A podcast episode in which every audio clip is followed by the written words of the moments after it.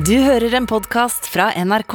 Anne Elvedal er utdanna sykepleier, men jobber som forfatter og manusforfatter for film og TV. Hun har bidratt på manussiden til filmer som Burning 2 og TV-serier som Wisting, men hun har de tre siste årene fokusert på sin egen grøssertrilogi Dødens spill, som har mottatt gode kritikker og blitt solgt til både Sverige og Danmark. Dette er Drivkraft med Vegard Larsen i NRK P2. Anne Elvedal, velkommen til Drivkraft. Jo, takk. Veldig hyggelig å komme hit i Veldig, dag. veldig hyggelig å ha deg her. Hvordan har du det? Du, jeg har det veldig fint. Nå skinner jo sola på utsida, og det nærmer seg vår, så Ja. det er bra. Og det er påske. Og det er påske. Påske er jo det er tid for krim og grøss. Hvorfor tror du vi har så Altså, hvorfor tror du vi er så glad i å bli skremt i påska? Eh, jeg tror at det er jo en veldig sånn tradisjon da, som, er, som vi har arva fra, fra våre foreldre og besteforeldre nesten, i, i forhold til det om at påska da skal det være skal det være litt skummelt, både på TV og i de bøkene vi leser. Eh, så jeg tror det er veldig mye det at det liksom er en, blitt en tradisjon for at akkurat i den perioden der så skal vi liksom ja, konsumere litt sånn skumle historier, da. Mørket og vinteren og liksom det kalde Ja. slipper, men likevel så vil vi liksom inn i det ubehagelige. Ja, og det er jo eh, Vi liker jo eh, ofte å bli, ha, ha det litt Eller på en måte bli litt skremt og ha det litt ubehagelig så lenge det er sånn trygge rammer rundt oss. Og det kan vi jo, har vi jo når vi sitter i stua og kanskje er på en, en påskekrim eller dukker ned i bok. Ja. Så kan vi jo stupe ut ifra det òg når vi vil. Det er tryggere å lese krim når det, når det er lyst ute. Ja, nettopp det. Hvorfor tror du at vi har det? Altså det der, den hangen etter det ubehagelige. Eh, Jeg tror at det er flere årsaker. Jeg tror at, eh, jeg tror at på en måte, hvis jeg snakker litt ut ifra meg sjøl, så er min trang til det er jo at, jeg også, altså at det å kjenne på det fysiske ubehaget, eh, og nesten bli litt sånn skremt og nesten få litt sånn adrenalinkick av det, uten at det egentlig de ytre rammene er skumle, da. Det er bare det du på en måte ser eller leser. Det tror jeg er noe som vi liker. Og så er det noe med at altså, grøsser- og krimsjangeren er jo, en, er jo sjangre der man har en mulighet til å, til å dykke litt inn i de mørke sidene ved, ved livet og menneskene og sånn, og utforske litt sånn mørke sider som vi kanskje ikke har så lyst til å tenke på i hverdagen, kanskje. Ja. Ja, Det er jo rart at vi liker å bli skremt. ja, ja det er det. Så det er litt artig å skremme folk òg, da. Er det, liker du å skremme folk? Ja, jeg syns det er litt morsomt det der. Bare noe så enkelt som å hoppe fram for gjerne noe og si bø.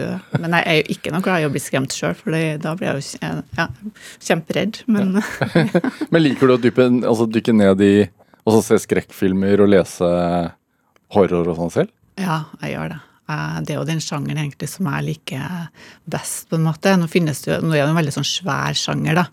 eh, I forhold til eh, at det finnes så mange av de historiene som jeg syns ikke er så bra. Men jeg syns det er også veldig mange bra historier i den sjangeren, nettopp fordi at man kan dykke ned i det mørke. Da. Jeg har en veldig sånn alltid hadde en veldig sånn eh, dragning mot det mørke. Det, liksom, det å forstå de mørke sidene av mennesket og samfunnet vi lever i, og Ja. hvorfor er det sånn, liksom.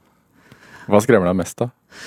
Hva er, hva er det skumleste du leser eller ser? Eh, altså, jeg blir ikke så skremt av sånn monsterfilm og sånne ting, for det blir sånn veldig sånn eh, fjernt, på en måte. Veldig abstrakt og veldig sånn uvirkelig. Så jeg er mer skremt av, av eh, det som jo mer reelt det er, da. Og spesielt kanskje eh, mennesker, at du ikke kan stole på dem. Altså hvor ond kan et menneske bli, og hva kan de gjøre?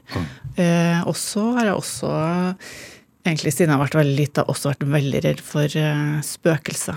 Ja. Så det er jo litt sånn paradoks at jeg også da eh, skriver om det. Men eh, den skriver jo ofte om det som en kanskje er mest redd for sjøl. ja. Når ble du sist skremt, da? Um, eh, nei, altså sånn ordentlig altså, Jeg ser veldig mye på TV-serier og sånne ting. Så jeg så en TV-serie i går der jeg plutselig skvatt i, i sofaen. for Ok, hva var det? Nei, altså Det var en krimserie som jeg så på Netflix som heter En polsk en. Jeg prøver å se litt forskjellige. The Thaw, eh, som den heter. ja. Og da var det bare et eller annet som skjedde eh, Jo, nei, det var, ja, det var ei som ble jaga inni et, Hun skulle inn i leiligheten sin, og så kom det plutselig en fyr og bare dytta inn. og da på en måte bare, Det var skjedd så plutselig. Og akkurat det der er jo liksom, er også en sånn skrekk en har i, i seg sjøl. Jeg vet ikke om det kanskje er mer hos de jenter, det der med det at du går hjem på natta og er redd for at uh, noen følger etter deg, og så plutselig når du låser opp døra, så kommer det bare noen og dytter deg inn. Ja. Men da, da skvatter jeg skikkelig. Hvor lenge har du det med deg da? Eh, nei, eh, akkurat den episoden har ikke jeg så lenge med meg, men jeg kan se på ting som virkelig sitter i meg i flere, altså flere uker.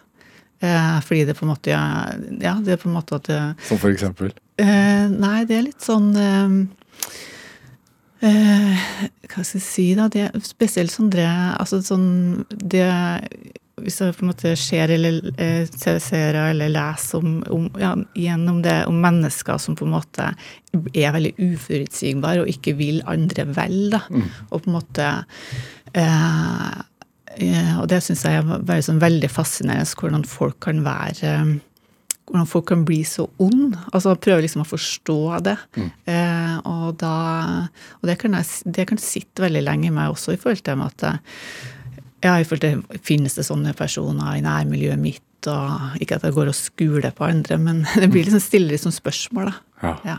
Det starter en sånn kreativ prosess, egentlig? Ja, ja det gjør det. Også. Jeg tror jeg har sånn veldig sånn trang til å forstå ting. da. Prøve liksom hvorfor kan det være sånn. Hvorfor er det sånn at noen mennesker er veldig snille og drevet av en veldig sånn omsorg for andre, mens andre er liksom hele kontrasten. da. Ja. Det virker som, selv om det er jo alle sånn svart-hvitt, alle har jo nyanser i seg. og en ond person kan jo også ha gode sider ved seg. Eh, men det syns jeg er veldig fascinerende, det der. Og så er det sånn, Hvis man ser en skikkelig skummel film, så føler man eh, altså et, Etter man har sett den, altså hvis man har vært fryktelig redd For det, ja. det gjør man jo. Man sitter, i, sitter, trygt, og så skal man liksom svette i hendene fordi man blir veldig, veldig redd. Ja. Uh, men etterpå så har man liksom nærmest gått gjennom en slags sånn renselse. Eller sånn derre ja, ja. Akkurat som man har trent uten ja. Jo, men jeg tror det er noen som sier at, altså, at uh, sånne skumle filmer og, og, litteratur og sånn, at det har jo en på en måte en litt sånn terapeutisk effekt også, fordi mm. du, de på en måte trigger din egen angst og sånne ting. da. Og at, uh, at, du, selv om du ikke har vært og trent, så har du vært i en sånn mental prosess da, og gått gjennom uh, og kanskje leve deg inn i den verden der og oppleve det sammen med hovedpersonen og sånn. da. Så, ja. ja. Uh, du har skrevet et hørespill for NRK. Mm -hmm. For NRK har en sånn grøsserserie på radio som heter Mørke fortellinger. Uh, og du har skrevet, Det er fire episoder som har kommet ut nå i, i april. Og du har skrevet en av de som heter Leieboeren. Ja. Som handler om Nora og Erlend som flytter inn i et nytt hus som viser seg å by på mer enn de trodde. da. Mm. For å ja, det, er, det er sant, det? er det ikke? Ja, det følger med noen på lasset da, i det huset. Det følger med en leieboer. Ja, nå, ja. Nå, når du skal skrive noe sånn, altså, hvordan begynner man da? Eh, altså det begynner med en idé eh, i forhold til at eh, Oi, det her altså det her begynte med at de, NRK lyste ut ideer. Og så tenkte jeg at psykologisk grøsser, det er liksom helt midt i min gate. Hadde ikke skrevet lyddrama før, så jeg tenkte nå har jeg lyst til å prøve noe nytt. Og så begynner jeg med at hva, hva, hva Altså eh, hvor er det verste en, eh, hva skal jeg si, noe kan ramme deg? da? Jo, det er jo hjem der du er mest trygg. Mm. Det var liksom, det jeg begynte å tenke på det, og så tenkte jeg å ja, hva med om en har en person som ikke Som, ja, som eh, følger med et hus, da. Så, ja, så, en leieboer. Ja. ja. Og så er det liksom å det igjen. Altså det å, å skrive fortellinger for meg er jo nesten som å være en etterforsker i forhold til det med at en har en idé eller ett spor, og så må man liksom prøve å finne Stille riktige spørsmål og finne løsninger, da. Og mm. sånn at det blir på en måte en historie ut av det. Skal, vi, skal, vi høre et lite klipp? Ja. Og få sette stemningen? Mm. I klippet her så er man litt ute i episoden, og da hører man at Nora prøver å forklare mannen sin at det er viktig at de prøver å finne ut litt om denne leieboeren da, som har fulgt med dette huset de har kjøpt. Mm. Skal vi høre. Hei. Jeg syns du sa du bare skulle være borte noen timer. Ja, sorry. Det kom plutselig en eh, ekstra pasient. Og hun var Ja, veldig. Veldig agitert. Men det ordna seg. Så du om han leieboeren var hjemme? Nei, eh, hvordan det? Jeg har prøvd å få tak i henne hele dag. jeg. Eh, hvorfor det? Syns du sa du ikke var så interessert i å bli bestevenn med han? Nei, men eh, jeg syns kanskje at vi bør vite hvem vi bor i samme hus med. Og spesielt om han har en datter boende hos seg. Ja.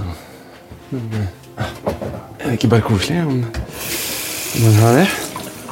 Syns ikke du det er litt merkelig at vi ikke har fått vite noe om det? Jeg har prøvd å ringe han og få tak i han i hele dag. Jeg har ringt, sendt melding til det nummeret som står i huspapirene. Det går ikke gjennom. Det er nesten ingen informasjon om han på nettet. Driver du og stalker han på nettet nå? Jeg stalker, det er han som stalker meg! Han driver og lusker rundt hushjørnet her. Men Nora, han bor her. Han må få lov til å bevege seg utenfor huset.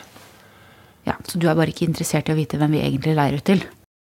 Ja, du fikk et klipp fra Mørke fortellinger, NRKs eh, grøsseserie på radio. og Grunnen til at vi spiller av den her i Drivkraft på NRK P2, er fordi at vi har episodens forfatter Anne Elvedal her hos meg i Drivkraft i dag.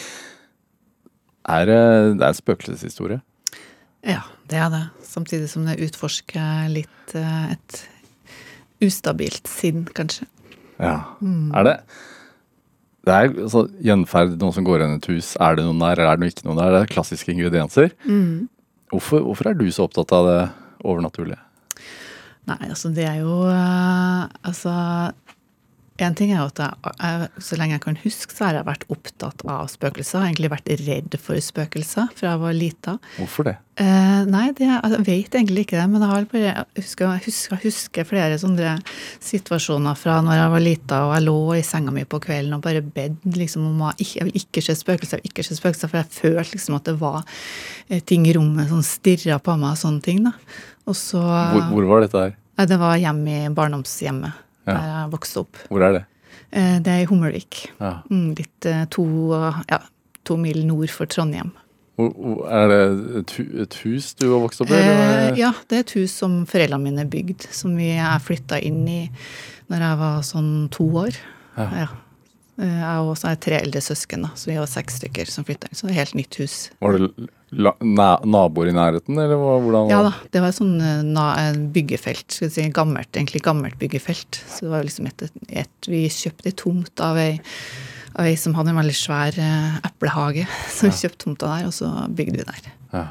Men hadde du blitt fortalt om spøkelser av søsken, eller Eh, Det kan ikke jeg huske faktisk egentlig hen jeg liksom fikk den forestillingen om at, eh, at det fantes spøkelser. Jeg bare husker, eh, Mitt første minne at jeg bare husker at jeg var veldig redd for spøkelser.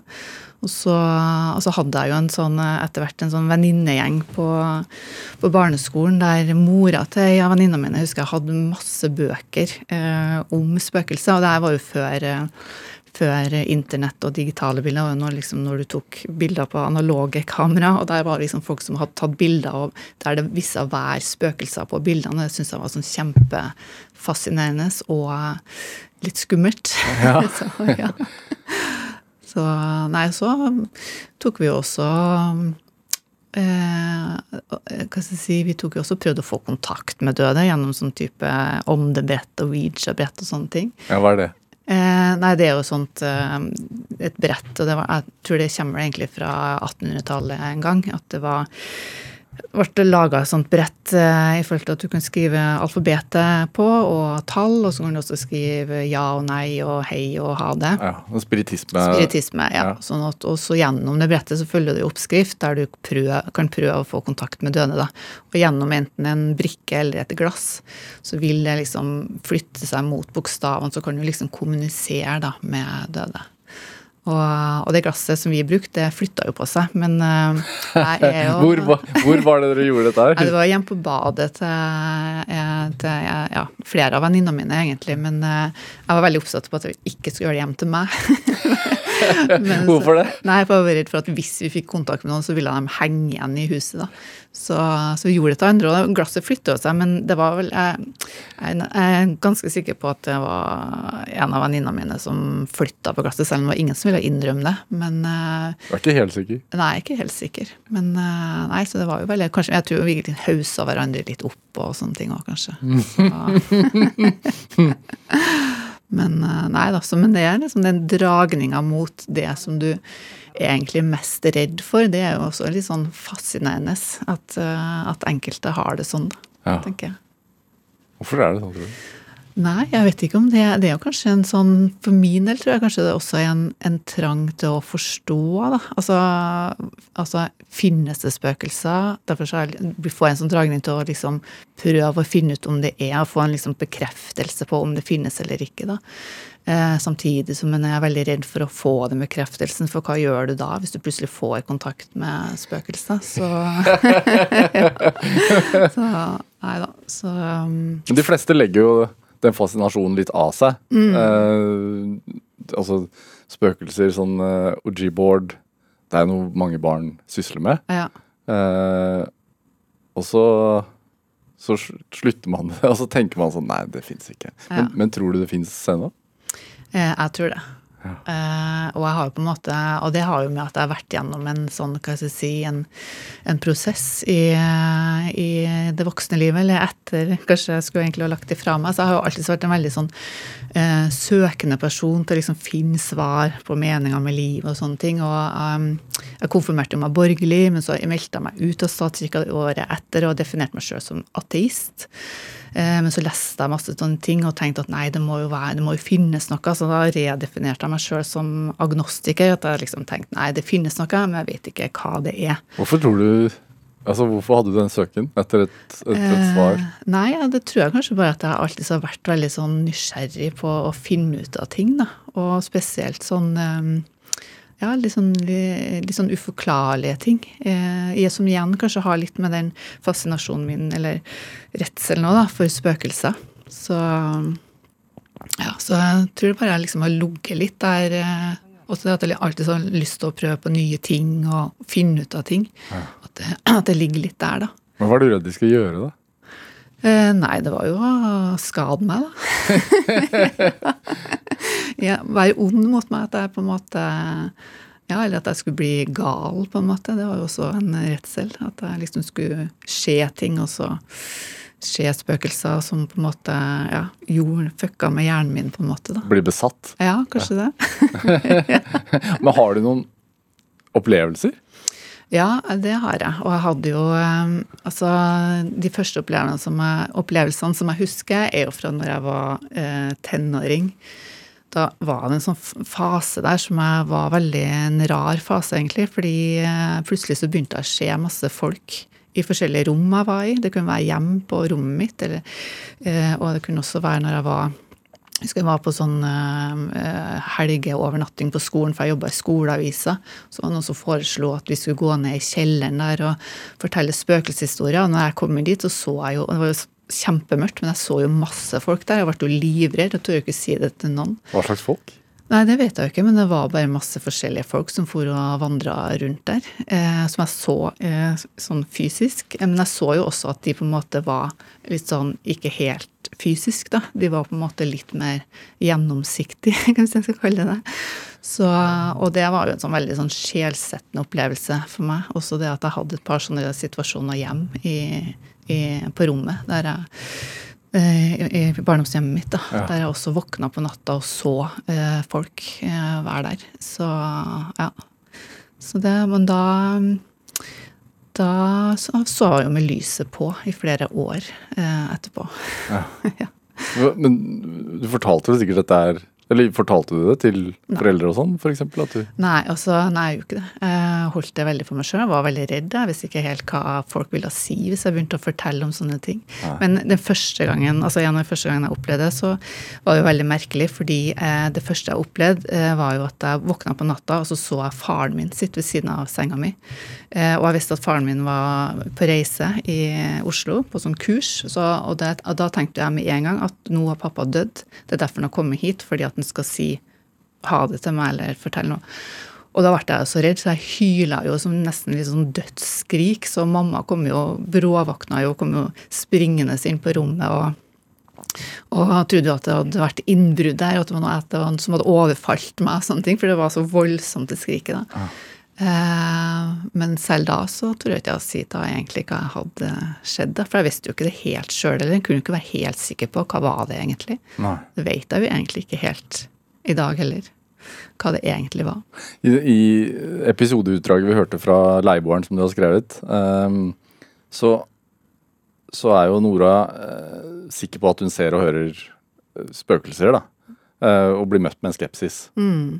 Er det når, Var det frykten for å bli møtt med skepsis at du ikke fortalte om det? Ja, jeg tror det var frykten for det, og også det at jeg var redd for at kanskje noen skulle si at det var noe galt med meg, kanskje. Altså, hvorfor så jeg det der? Eh, eh, og jeg var jo veldig usikker sjøl. Hvorfor skjer det der? Altså, hallusinerer jeg? Hvorfor gjør jeg det? Eh, ja, eller er det spøkelser? Hva vil de meg? Og sånne ting, da. Så, og det har jo på en måte Eh, Det er ikke så mange år siden jeg har begynt å fortelle om de, om de, om de situasjonene her. Og det har, har jo med den prosessen jeg har vært igjennom, eh, med å skrive de bøkene, på en måte som også åpna opp for å, å snakke litt mer om det. Eh, og så mm, Ja.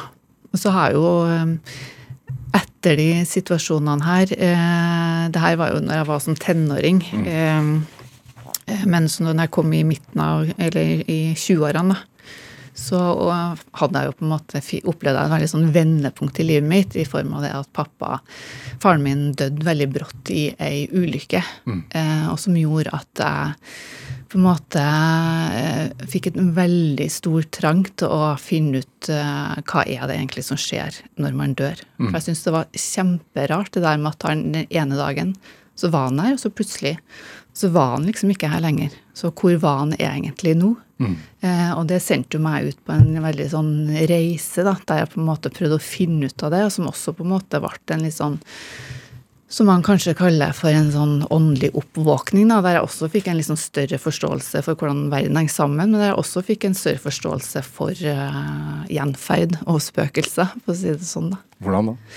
Nei, i forhold til det med at uh, på en måte så er jeg ikke like redd for dem, for jeg skjønner at uh, Eller har skjønt i min oppfatning da, at det er mange som går igjen her. Eh, Det kan være eh, folk som kanskje ikke har klart å komme seg videre fordi de har noe uoppgjort, eller de skjønner kanskje er de forvirra fordi de ikke klarer å skjønne at de er døde. Men så er det også folk som er her for å hjelpe oss, da, vi som eh, fortsatt lever, da. Men hvorfor ble den tragiske ulykken et vendepunkt hvor du forsto mer av det? Nei, det var fordi at jeg fikk en sånn veldig trang til å, å finne ut hva det egentlig som skjer eh, når man dør, så jeg, søkte veldig kunnskap, da. Så det ble, og da, En ting er gjennom litteraturen, at jeg leste masse bøker og sånn, men jeg begynte også å gå på veldig mange kurs. Eh, og snakka med masse folk, alt fra sånn type hva skal jeg si eh, livs, eh, livsveiledere eller coacher til sjamaner til mer sånn åndelige veiledere. Da, og gikk også eh, på en skole for å på en måte utvikle det, det tredje øyet, eller det indre øyet, som på mange måter ses på som en sånn port inn til den åndelige verden. Eh, og det var jo en prosess som foregikk i flere år eh, for min del, og som på en måte eh, gradvis åpna mer og mer opp for at jeg fikk en større forståelse for, uh, for hvordan verden henger sammen. Også de tingene vi på en måte ikke ser da, med, Ja. det, med det blotte øyet. Men var det også Jeg tenker jo Og så var det også for å ikke gi slipp.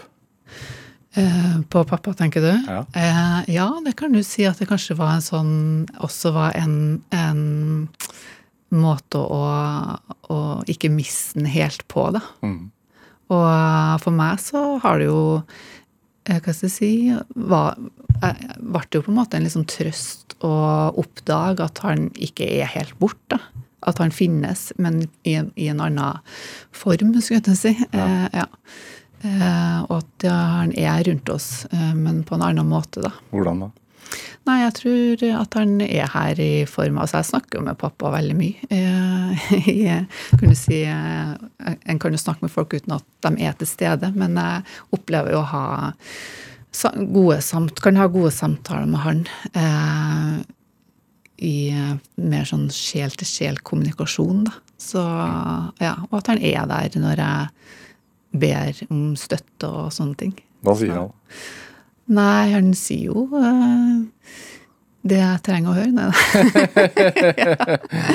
nei men sier jo Nei, altså, det er jo Det, blir, altså, det er jo som å snakke med noen som du eh, Ordentlige mennesker, skal jeg si. Ja. At du får eh, Ja, får eh, både motstand, motstand og, og støtte, da.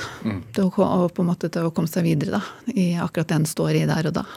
Det at du ventet lenge med å fortelle andre om opplevelsene dine, er fordi at du var redd at man, altså noen kom til å være skeptiske? Altså, ble du møtt med skepsis? Uh, ja, altså det har jo blitt og det er jo kanskje, altså Jeg er jo oppvokst i en eh, familie med kun realister, for å si det sånn. Så, og det kan jo også ha litt med at er derfor jeg ikke snakka så mye om det til dem. Uh, fordi de, det er jo ateister, hele gjengen. Tror på, kun på det vitenskapen kan bevise, da. Eh, men det er jo sånn at altså, jeg har liksom aldri hatt sånn stort behov på, for å snakke om det med andre som ikke på en måte er Som kanskje er litt i den samme greia, på en måte. da. Men når jeg har snakka om det, så er det jo sånn at enkelte folk har jo veldig behov for å overbevise meg om at jeg tar feil. Hva sier de da? Nei, du skal jo liksom prøve å, komme med vitenskapelige at, ja, vitenskapelige mm, metoder og sånne ting, og at det på en måte at det er mye sånn kvakksalveri og ja, masse sånn ba- Bare subjektive opplevelser og ja. Og Det blir som religion, da, som man heller ikke kan ja, det blir jo det. på et vis. Ja. Og det er jo, noen, det er jo noen som har bestemt at noe er tro, og noe er overtro, for å si det sånn. Det er jo, ja, Ja. er for, det er jo egentlig ikke noe stor forskjell, egentlig. Uh, nei da, men uh, så, jeg så det har jo gjort det Altså, jeg har jo ikke noe behov for å misjonere og fortelle, altså over, overbevise andre om at, eh, at de skal tro på det samme som meg. Derfor syns jeg noen ganger at det er litt slitsomt at de skal overbevise meg om at jeg tar feil. så, men noen ganger så kan en jo ha gode diskusjoner rundt det. En har jo behov for å få motstand og sånn, eh, på en måte for å komme seg videre og for å forstå mer, da. Ja. Så, og samboeren min er jo en realist, og han eh, Vi kan jo ha gode diskusjoner, vi. For han tror ikke på det. Han tror ikke på noe sånt. men han kan jo være nysgjerrig, da. Men det er jo, og noen ganger som sagt, kan vi ha gode diskusjoner, men noen ganger kan det låse seg litt òg, da. Så da er det greit å gjøre noe annet. Forstår du at folk er skeptiske? Ja, det gjør jeg. Jeg forstår det. Og jeg tror at eh, Og jeg tenker at det er at for noen så er det så, så, så skal de liksom ikke oppdage det i det livet her, og mens andre gjør det, da. Så jeg tror at alle sammen egentlig har sin retning, eh, og oppdager det de har behov for å oppdage, eller har lyst til å oppdage. Så, men jeg forstår at folk er skeptiske, og det er jo også for at det er jo det finnes jo ikke liksom én sannhet om det her, så det er jo veldig mye forskjellig som en hører om, da. Og det blir jo selvfølgelig også veldig sånn subjektive opplevelser. Selv om en, jeg kan ha like opplevelser som eh, sånn noenlunde like opplevelser som noen andre, så er det jo likevel eh, subjektive opplevelser som vi opplever. Og, da, og vitenskapen har jo ikke kommet så langt ennå at det går an på en måte å hva skal jeg si, bevise det med vitenskapelige metoder. Noe er jo på gang, men det er veldig mye som ikke kan bevises. Da. Men hva tror du om sånn Åndenes hus og sånn? sånn nei, jeg tenker at det er reelle opplevelser som de har eh, eh, Av de som opplever at noe eh, At det er hjemsøkt, da. Ja. Og tenker at det er, enkelte sjeler som ikke har klart å gi slipp på det stedet de har bodd, eller at de har opplevd noe der og på det området da, der huset er bygd, eller sånne ting, og at de eh, kanskje trenger hjelp da, til å komme seg videre, eller at de kan slutte fred, sånn at begge kan bo der, kanskje. Men Hvis man, altså, et argument du må møte, må jo være sånn Det er jo bare øh, Dette her er jo bare noe du, du tenker deg til. altså Det er hjernens øh, vidunderlige, merkelige vesen som liksom overbeviser deg om at det er noe der. Hva sier du da? da? Nei, eh, nei, jeg tenker at når en hører om sånne situasjoner, så er det jo, er det jo ofte litt sånn konkrete ting de har opplevd også. De har jo, noen opplever jo liksom eh, kalde hender som plutselig tar på de, eller at det er Noen har jo blitt dytta ned fra trappa, eller at ting flyttes på og sånne ting. Og det, jeg tenker at det er veldig fort gjort for en person som ikke har vært i det huset eller vært i den opplevelsen, og si at det der er bare tull. Ja, fantasien din, Ja, det er bare fantasien. Men hvis du har opplevd det sjøl, så, så søker en jo etter å finne svar. Og når det ikke er noen eh, hva skal jeg si, naturlige forklaringer, da, Ja. så er, må det jo finnes noe unaturlige forklaringer på det, på en måte. Ja. Så Nei, så jeg tenker jo at det er Har du opplevd noe sånt? Eh, Jeg har ikke opplevd noen sånne hva skal jeg si, onde ting eller skumle ting. Men jeg har, eh, har hatt noen opplevelser i voksen alder der, jeg har faktisk, der det har vært noen eh, eh, døde i det huset der jeg bor nå, da. Ja. Og det er kanskje, kanskje altså den, en, den opplevelsen som var kanskje sterkest, var jo en for noen år siden. Like etter vi flytta inn i det huset som vi bor i nå. Et gammelt hus? eller? Eh, ja, det er fra 70-tallet, da. Ja. Eh, og vi hadde vært på sommerferie og kom hjem, og, og det var så rotete når vi kom fra at vi ikke rukka å vaske eller noen ting før vi dro. Så det var liksom det jeg begynte med med en gang vi kom hjem. Og mens jeg gjorde det, så følte jeg bare at det er noen som er i rommet her. Det er noen som følger etter meg, og det er liksom en mann. Og jeg liksom følte det så sterkt. Den- Jeg så han ikke, da, men det var som om på en måte jeg så han Eh, Jeg så han ikke fysisk, men jeg bare kjente at her er det noen som på en måte vil et eller annet. Og jeg syns jo ikke det var en veldig behagelig opplevelse. Men så ringte jo det på døra et par timer senere på kvelden, der naboen Vi bor i sånn eh, kjeda enebolig. Ja. Der naboen fortalte at mannen hennes hadde dødd i løpet av den tida vi hadde vært borte eh, i sommerferien. Og på dødsleiet så har han vært sånn ekstremt opptatt av at vi skulle få et sånt kart over tomta vår. For det her var ikke så lenge etter vi hadde flytta inn i huset, da. Og vi hadde spurt om et sånt kart. Så han var veldig ekstremt opptatt av rett før han døde at vi skulle få det kartet. Og da var jo For meg så var det bare sånn ok, det var han som var her eh, og ville gi meg den beskjeden. Så det var min oppfatning av det hele, da. Men, eh, og jeg tenker at det er kanskje vanskelig for andre å, å forstå det når du ikke på en måte har, har den opplevelsen sjøl. Men hvis du har den opplevelsen sjøl, så eh, tenker jeg at du tenker litt annerledes om det, da. Ja, og det kan jo bli romaner av. Eh, forfatter Anna Elvedal, vi skal spille litt musikk. Ja. Skal vi snakke mer om romanene etter det? Du har med en, en låt eh, av The Irish Rovers, The Unicorn. Hvorfor det? Det er en sang som eh, har betydning for den, eh, i den første boka i den trilogien jeg har skrevet, men som også har en betydning for, eh, for meg personlig, fordi den minner meg om pappa. Mm. Pappa var jo en veldig sånn musikkglad type som spilte gitar og sang om kveldene og sånn. Og han hadde jo eh, forskjellige sånne perioder da han hørte på forskjellige sjangre. Altså en periode hørte han masse på opera. og de årene før han døde, så hørte han masse på irsk musikk. Og um, teksten til denne sangen her, den um, handler jo om Noah som skal fylle arken sin med dyr. Men eh, de fineste dyrene, altså enhjørningene, de er så opptatt av å leke seg i regnet at de mister båten, de kommer seg ikke på båten og blir tatt av flommen. Og for meg så tolker jeg den sangen liksom opp mot det som skjedde med pappa. da, At det ofte er sånn at de fineste folkene, de dør ofte for tidlig.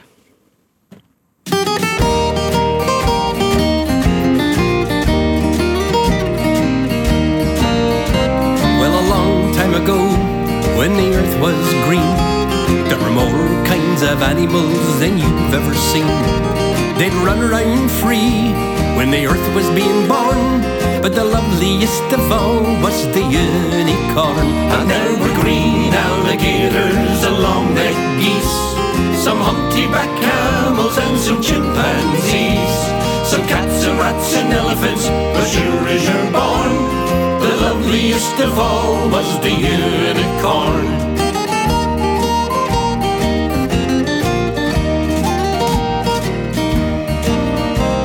Now God seen some sinning and it gave him pain. And he says, Stand back, I'm going to make it rain. He says, Hey, brother Noah, I'll tell you what to do. Build me a floating zoo. And take some of them green alligators and long necked geese. Some humpty back camels and some chimpanzees, some cats and rats and elephants, but sure as you're born, you forget my unicorns.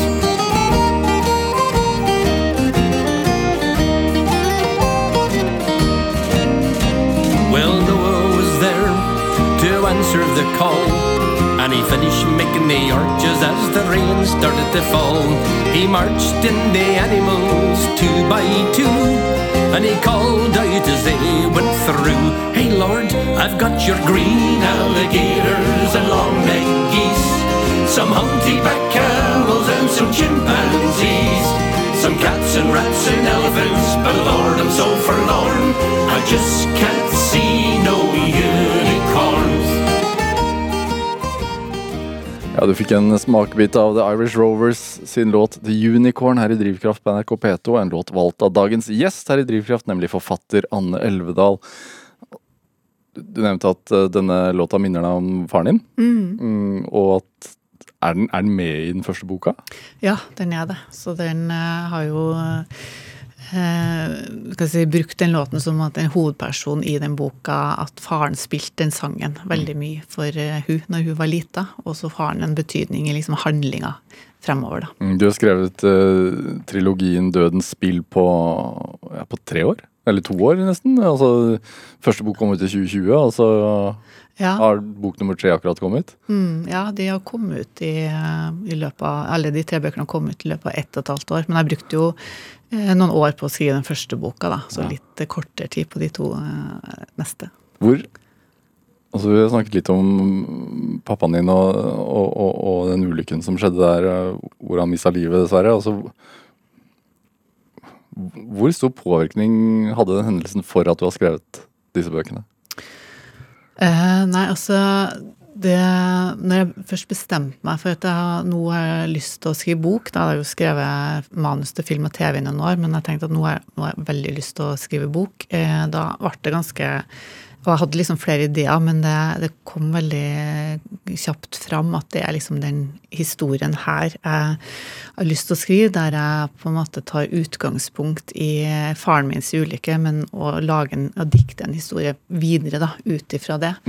Og jeg tror nok at det var en sånn behov for meg på mange måter å Fordi det var en veldig sånn eh, dramatisk hendelse, og som jeg nevnte så en veldig sånn vendepunkt i livet mitt. da, eh, Som gjorde at jeg hadde lyst til å bruke den erfaringa til å skrive en historie ut ifra det. Hva var det som skjedde? Eh, nei, altså faren min eh, Du tenker på ulykka? Ja. Eh, nei, faren min han var jo en altså, jobba jo som lærer, men hadde en veldig sånn stor lidenskap eh, som hobby, og det var jo å mekke bil. eh, Gamle biler, veteranbiler og motorsykler. Eh, og det var jo det han drev på med på fritida. Og, men en sommer, da, eh, så skulle han reparere en motor, for vi hadde eh, en, også en båt. Og den motoren skulle han reparere hjemme i hagen, og, og da skjedde det noe galt som gjorde at eh, bensinslangen røyk akkurat idet han skulle starte motoren, og så tok han fyr, rett og slett. Så, og da, ja med, kom jo luftambulansen og ble kjørt til St. Olavs. Eh, Det her var jo Humlika i Trøndelag. Og, og senere ble den overflytta til Bergen, da, på brannskadeavdelinga. Men eh, brannskadene var jo så omfattende at, eh, eh, at han døde av de, da. Er det godt på et vis? Og, for du har jo eh, dedisert bøkene til han, i hvert fall bok igjen. Ja. Er det en sånn Er det en god følelse? Altså sånn, Føler du at du gir, gir noe tilbake? Altså at du kommuniserer på, en på en måte via det? Ja, jeg syns eh, på en måte Jeg har tenkt litt på det der. Eh, og jeg tenker at på en måte syns jeg det er godt at han gjennom bøkene har jo vært også veldig mye på forskjellige ungdomsskoler og snakka om bøkene og forteller om bakgrunnen. Og da forteller jeg også om pappa, og på en måte så er det jo en måte å holde han eh, i live på, på en måte. Og, og, og nesten sørge for at han ikke blir glemt, skulle jeg si. Selv om, eh, selv om eh, eh, altså, den personen som på en måte er liksom bygd på pappa i boka, er jo ikke pappa. Det er jo på en måte eh, tatt utgangspunkt i det, så er det liksom bygd videre. Eh, og dikta videre ut ifra det. Men samtidig så er det jo den, hans historie, da, på en måte, som har eh, ligger til grunn for den egentlig det som er inngangen til den, til den historien her, da. I forhold til at fordi hovedkarakteren i den første boka opplever jo da å miste faren sin i ei ulykke. Og ja, faren hennes er også da veldig glad i bil og motor og Er det, sånne ting. er, blir den da også en slags sånn sorgbearbeidelse? Eh, på en måte så tror jeg at jeg lyver hvis jeg sier nei, fordi det har jo vært det, på en måte, i forhold til det at jeg har Fordi altså, det er jo rart med sånn sorg, på en måte. Jeg syns jo egentlig at sorg er jo på mange måter en litt sånn ensom greie. Selv om en har folk en snakker med om sorgen, så opplever jo alle sorg forskjellig. Og så går jo tida, og så har en kanskje kanskje mer behov for å snakke om sorgen, men en finner liksom ikke rom for det. da. Eh, så sånn sett så har det jo vært en eh, Nå er det på tide å gå videre, kravet, ja, liksom. liksom sånn, det er liksom fem år siden, og da er liksom Selv om en, en snakker om, om personen, på en måte, men kanskje ikke så veldig mye om sorgen, på en måte, og savnet, da. Mm. En, ja, snakker mer kanskje om det positive og opplevelsene og minnene man har, men kanskje ikke om så mye om eh, savnet og såret, skulle jeg si, som en sorg kan gi, da. Mm. Så sånn sett så tenker jeg at det å ha skrevet den historien her også på en måte har vært en måte å bearbeide eh, sorgen på. Jeg husker jeg var på sånn kurs med en sånn engelsk forfatter en gang, og hun sa jo at eh, alle historier vi skriver, gjør, er egentlig bare å, å hile våre egne sår. og jeg tror at det til dels er sant, det er ikke bare sånn, men jeg tror vi eh, ofte tar utgangspunkt i noe som, eh, som kanskje er litt sånn uforløst i oss sjøl, som vi har lyst på en måte å skrive om for å kanskje finne ut litt mer om det, eller ja. Du er jo egentlig utdanna sykepleier Ja, og jobba som det i fem år. Ja, stemmer det. Det er begynt der, skulle jeg si. Ja. Eller sånn studert først eh, psykologi et år etter videregående. Og hadde egentlig da tenkt eh, at jeg kanskje hadde lyst til å bli psykolog, men akkurat da så var det veldig sånn to-tre års ventetid på å komme inn på embetsstudiet, så da hoppa jeg på Relativt høye snitt, har jeg hørt. Ja, det var det jo. Du måtte laud og sånne ting. Og, ja. og, og så var jeg veldig sånn Jeg visste jo egentlig ikke hva jeg hadde lyst til å bli. sånn. Det var, og så hadde jeg jo søkt på veldig mange forskjellige skoler. Og så søkte jeg på sykepleieren, og så kom jeg inn der. Og så tenkte jeg ja, ja, men da flytter jeg fra Trøndelag, da, og så flytter jeg til Gjøvik, der jeg hadde kommet inn, da. Eh, og så angra meg egentlig litt etter noen måneder, men så er det der med at jeg først har begynt på noe som jeg fullfører, så da fullførte jeg. Og så etter studiet så flytta jeg til Oslo og begynte å jobbe i akuttpsykiatrien oppe på Gaustad. Ja. Hvordan er det? Nei, det var altså Jeg må si at det var en veldig lærerik tid for meg å jobbe i psykiatrien. Og da på den måten at jeg møtte så veldig mye forskjellige folk som jeg tror jeg aldri ville ha møtt på ellers.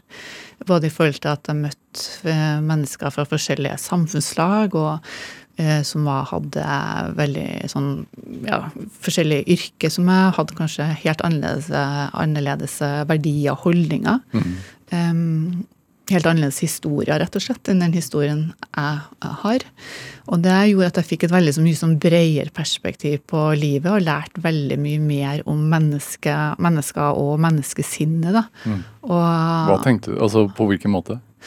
Nei, i forhold til Det er jo mye Altså, jeg, vil jo si at jeg vokste opp i en veldig litt sånn beskytta Altså, det var ikke, veldig, altså, var ikke mye dramatiske ting som skjedde i min familie under oppveksten eller i det området jeg, bodde. Og så når jeg begynte å jobbe der, så møtte jeg jo folk som hadde opplevd veldig mye vondt. da. Mm. Eh, noen eh, veldig traumatiske ting i barndommen, mens andre eh, hadde opplevd kanskje mer ting i, i senere i livet. Men, eh, og det eh, og det å få et sånt bredere perspektiv på både hva skal jeg si, eh, smerte, da, rett og slett, eh, og, ja, og psykisk uhelse, skulle jeg til å si. Det, og på en måte også det å følge folk og, og se at eh, hvor viktig det er med god støtte og behandling, og at det på en måte eh, eh, hjelper, da.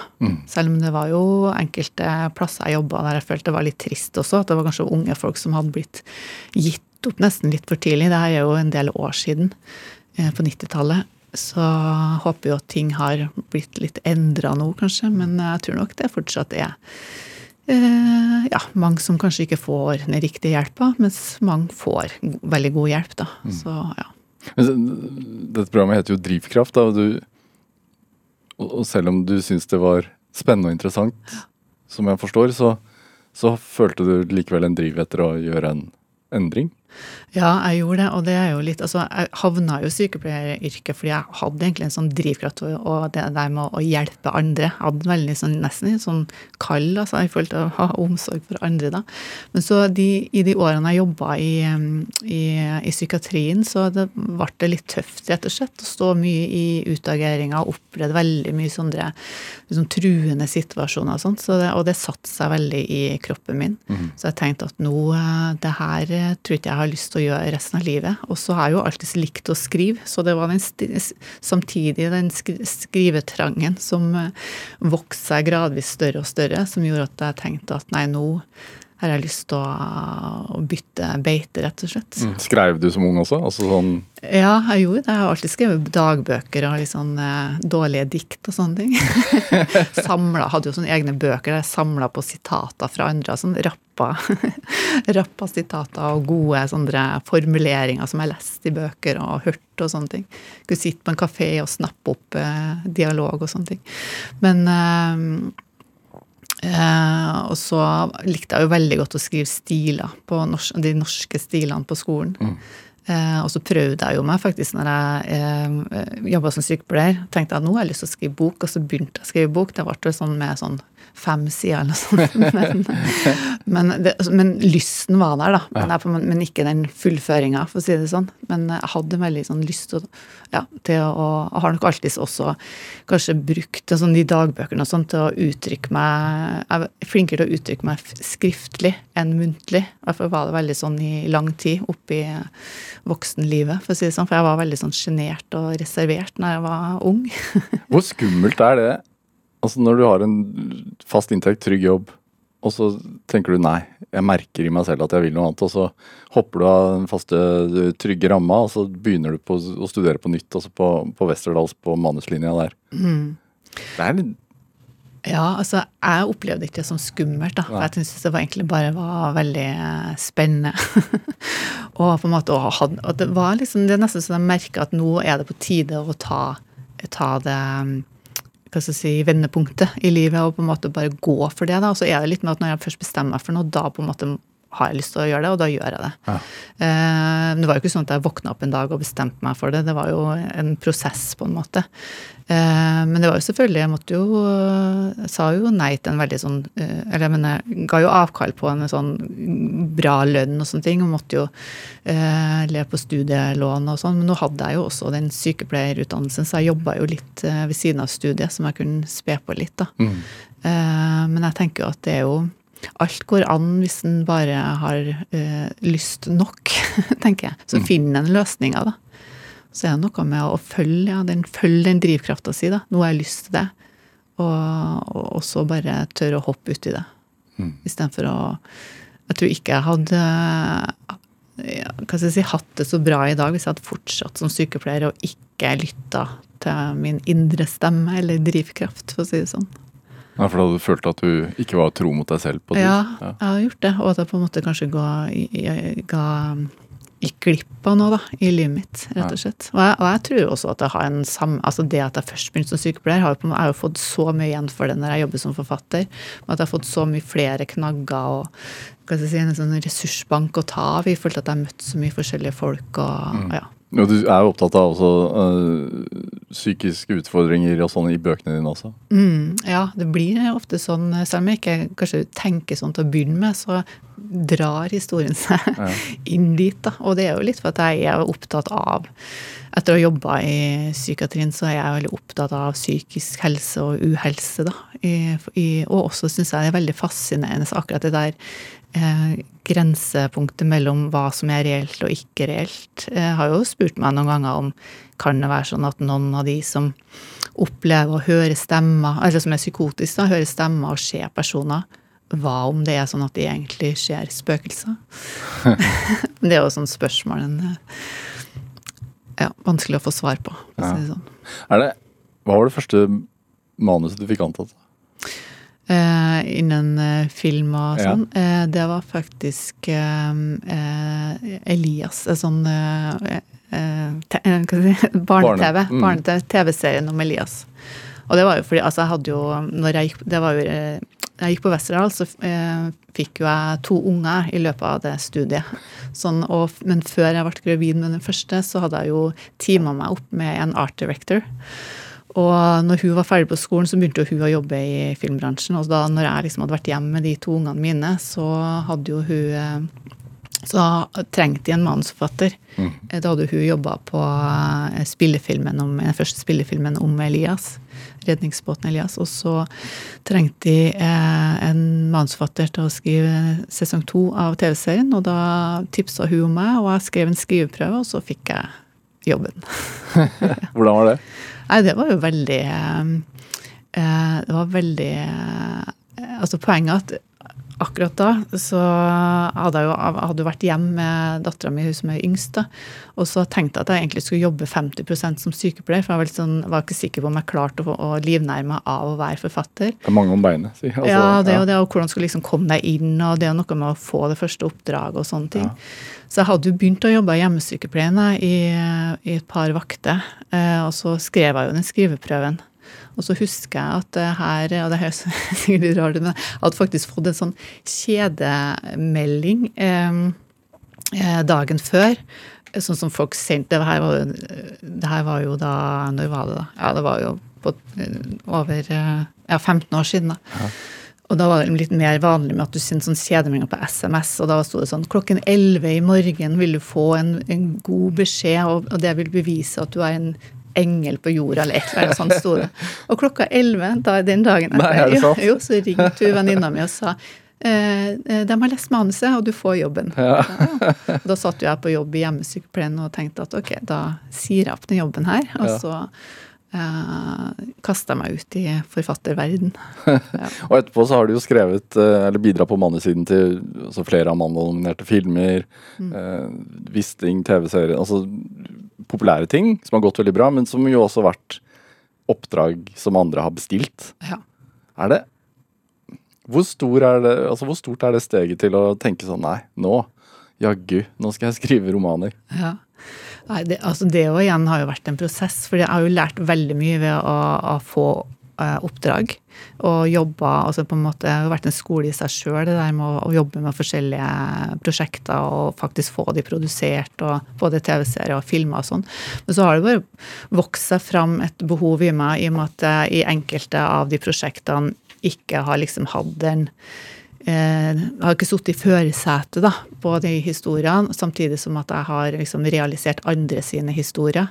Så har det vokst fram et behov at nå, nei, nå har jeg lyst til å på en måte formidle min historie, da. Eller mine historier. Så, og det var jo Det er jo selvfølgelig litt, litt annerledes i forhold til det med at når man jobber i en TV-serie eller en film, så er det jo liksom mange personer som er involvert, og hvis det går dårlig, så har man alltid noen andre å skylde på. Mens når man skriver bok, så er det liksom Nei, jeg kan bli skyldt på meg sjøl hvis det hvis det ikke blir bra, for å si det sånn. Men, så, sånn syns jeg det er jo litt mer nakent, men samtidig så føler jeg at det er en veldig sånn Jeg er jo veldig takknemlig for at jeg har den, fått den muligheten til å på en måte få, få skrive de bøkene og få utgitt dem, og at det faktisk er folk som leser dem og sånne ting. Og, Det har gått veldig bra, og det er solgt dessverre i Danmark, og TV, eller filmrettighetene har blitt kjøpt. og mm, ja. Hva, hva, hva, hva vil du med de, med Dødens spill? Altså, Hva er målet ditt for at ungdommen som leser de skal sitte igjen? Eller voksne også, for den saks skyld. Ja. Nei, altså Målet mitt med å skrive den historien er jo at de kanskje mottakeren eh, begynner å stille seg litt spørsmål om kanskje det er mer mellom himmel og jord. Som, eh, og bare blir litt nysgjerrig på å åpne blikket, tenker jeg. Eh, og, så det er på en måte kanskje det, det underliggende eh, budskapet eller målet med bøkene. Vil du skremme oss? Det vil jeg også. ja, det jo, en historie har liksom flere plan, skulle jeg si. Så jeg syns jo det Altså, jeg har jo hatt det veldig artig med å skrive de historiene. Og ja, som jeg sa, jeg liker jo å skremme folk, så jeg syns jo det er litt artig å Hvor er det du Ja. sitter og skriver? Eh, Da sitter jeg på har et eh, hjemmekontor hjem Ja. som jeg sitter og skriver på. Når du sitter der aleine, hvis du sitter på kvelden, altså, kan du bli skremt selv av det du finner på? Eh, Nei, det er egentlig ikke. Jeg- Det blir mer sånn Eller jeg kan, hvis det på en måte Knirker akkurat knirker ja, Det er litt avhengig av om jeg er hjemme alene eller ikke. Ja. Hvis jeg er andre folk i huset, så blir jeg ikke så skremt. Men hvis jeg er alene, så kan jeg fort uh, fantasien ta litt overhånd, ja. Da må du, slutter du da, eller får, klarer du å fortsette? Eh, nei, da må jeg slutte, og så må jeg prøve å se på noe, en komedie eller noe sånt på TV-en før jeg legger meg. Anne Elve, da, hva tenker du er, er drivkraften din? da? Hvor, nå, trilogien er jo ferdig. Mm. Nei, jeg tenker at uh, min drivkraft tror jeg er en, um, en veldig sånn nysgjerrighet til å oppdage nye historier. Altså det å Uh, finne historier, løse historier, uh, og, som, og finne svar som på en måte kan gi meg en ny eller større form for innsikt. Da. Og at mottakeren i den andre enden er med på denne reisa, og kanskje også oppnår en, eh, en innsikt på et, et eller annet plan, samtidig som den blir eh, underholdt. Har du fått noen sånne tilbakemeldinger? At noen har kommet til deg etter å ha lest bøkene og sagt sånn Ja, Da fikk jeg ny innsikt. Ja, jeg har faktisk det. Og det noen at de har snappa opp noen sånne setninger i boka og som de syns oi, det var veldig bra. og eh, Det har jeg ikke tenkt på før, og sånne ting. Og det syns jeg er jo kjempeartig, da. Å få sånne type tilbakemeldinger. Ja. Anne Elvedal, tusen takk for at du kom hit til Drivkraft. Eh, tusen takk for at jeg fikk komme hit. Veldig hyggelig. Og fortsatt god påske. Ja, i like måte. Hør flere samtaler i Drivkraft på nrk.no eller i appen NRK Radio. Send oss gjerne ris og ros og tips til mennesker du mener har drivkraft. Send en e-posten til drivkraft.krøllalfa.nrk.no. Vi hører veldig gjerne fra deg. Produsent i dag var Heidi Andersen, og Linn Bølstad bidro med research til denne sendingen. Dette var Drivkraft. Jeg heter Vegard Larsen. Vi høres. En podkast fra NRK. Eh, Det ligger en eh, livløs jente på gulvet her. Hør nye episoder med mørke fortellinger. Du redda meg, så tusen takk. Det er jeg som er han helten. Hva sa du nå? Hva skjer når ytre press tvinger frem våre indre demoner? Du trenger ikke å være redd for meg. Jeg er ikke redd for deg! Du er en taper, og alle andre syns det! Mørke fortellinger hører du først i appen NRK Radio.